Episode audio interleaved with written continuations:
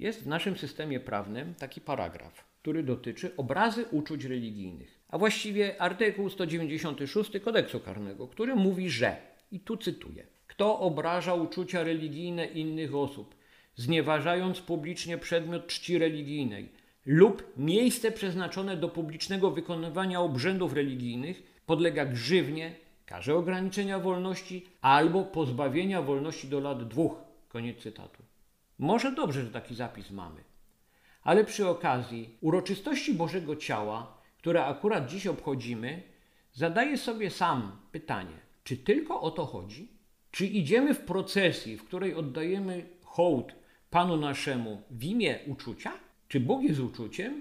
Z jednej strony rozumiem, że świeckie prawo musi przyjąć jakiś punkt widzenia, a nie jest ono zdolne zaakceptować idei Boga. I to też jest znamienne i powiem, niestety nie jest w stanie zaakceptować takiej idei. Bo dziwne jest, że jest w stanie uwzględnić uczucie.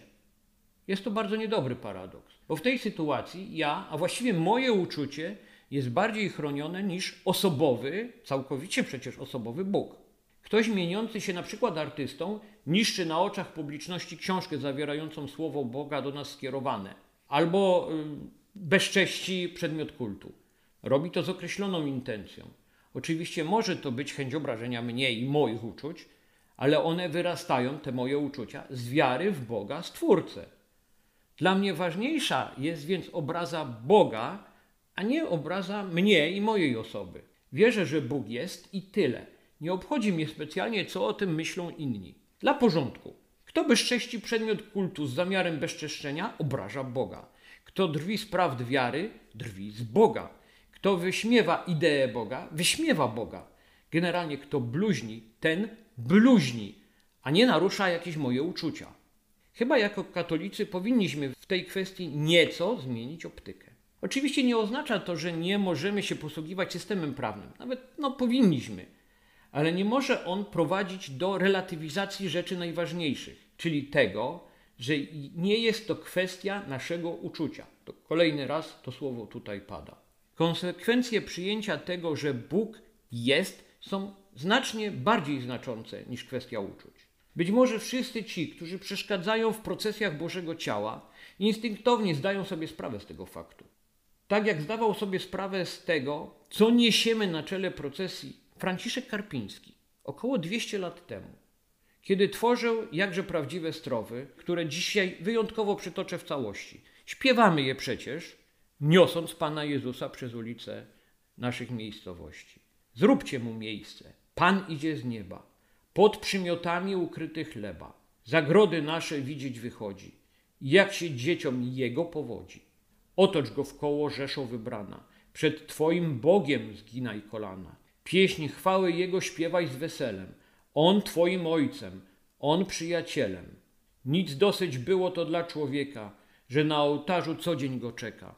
Sam ludu swego odwiedza ściany, bo nawykł bawić między ziemiany. Uścielcie mu kwiatami drogi, którędy pańskie iść będą nogi.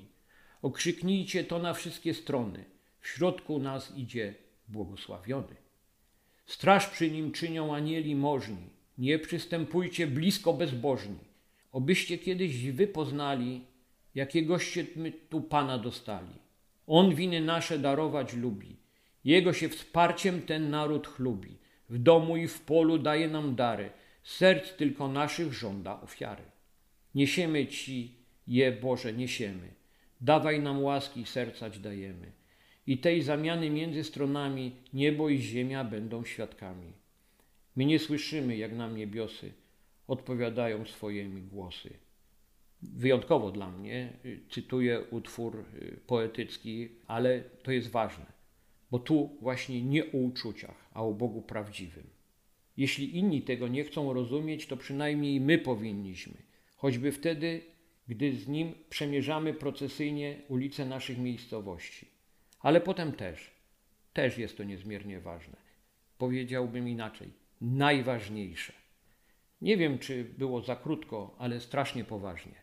Mówił do Państwa Piotr Sutowicz.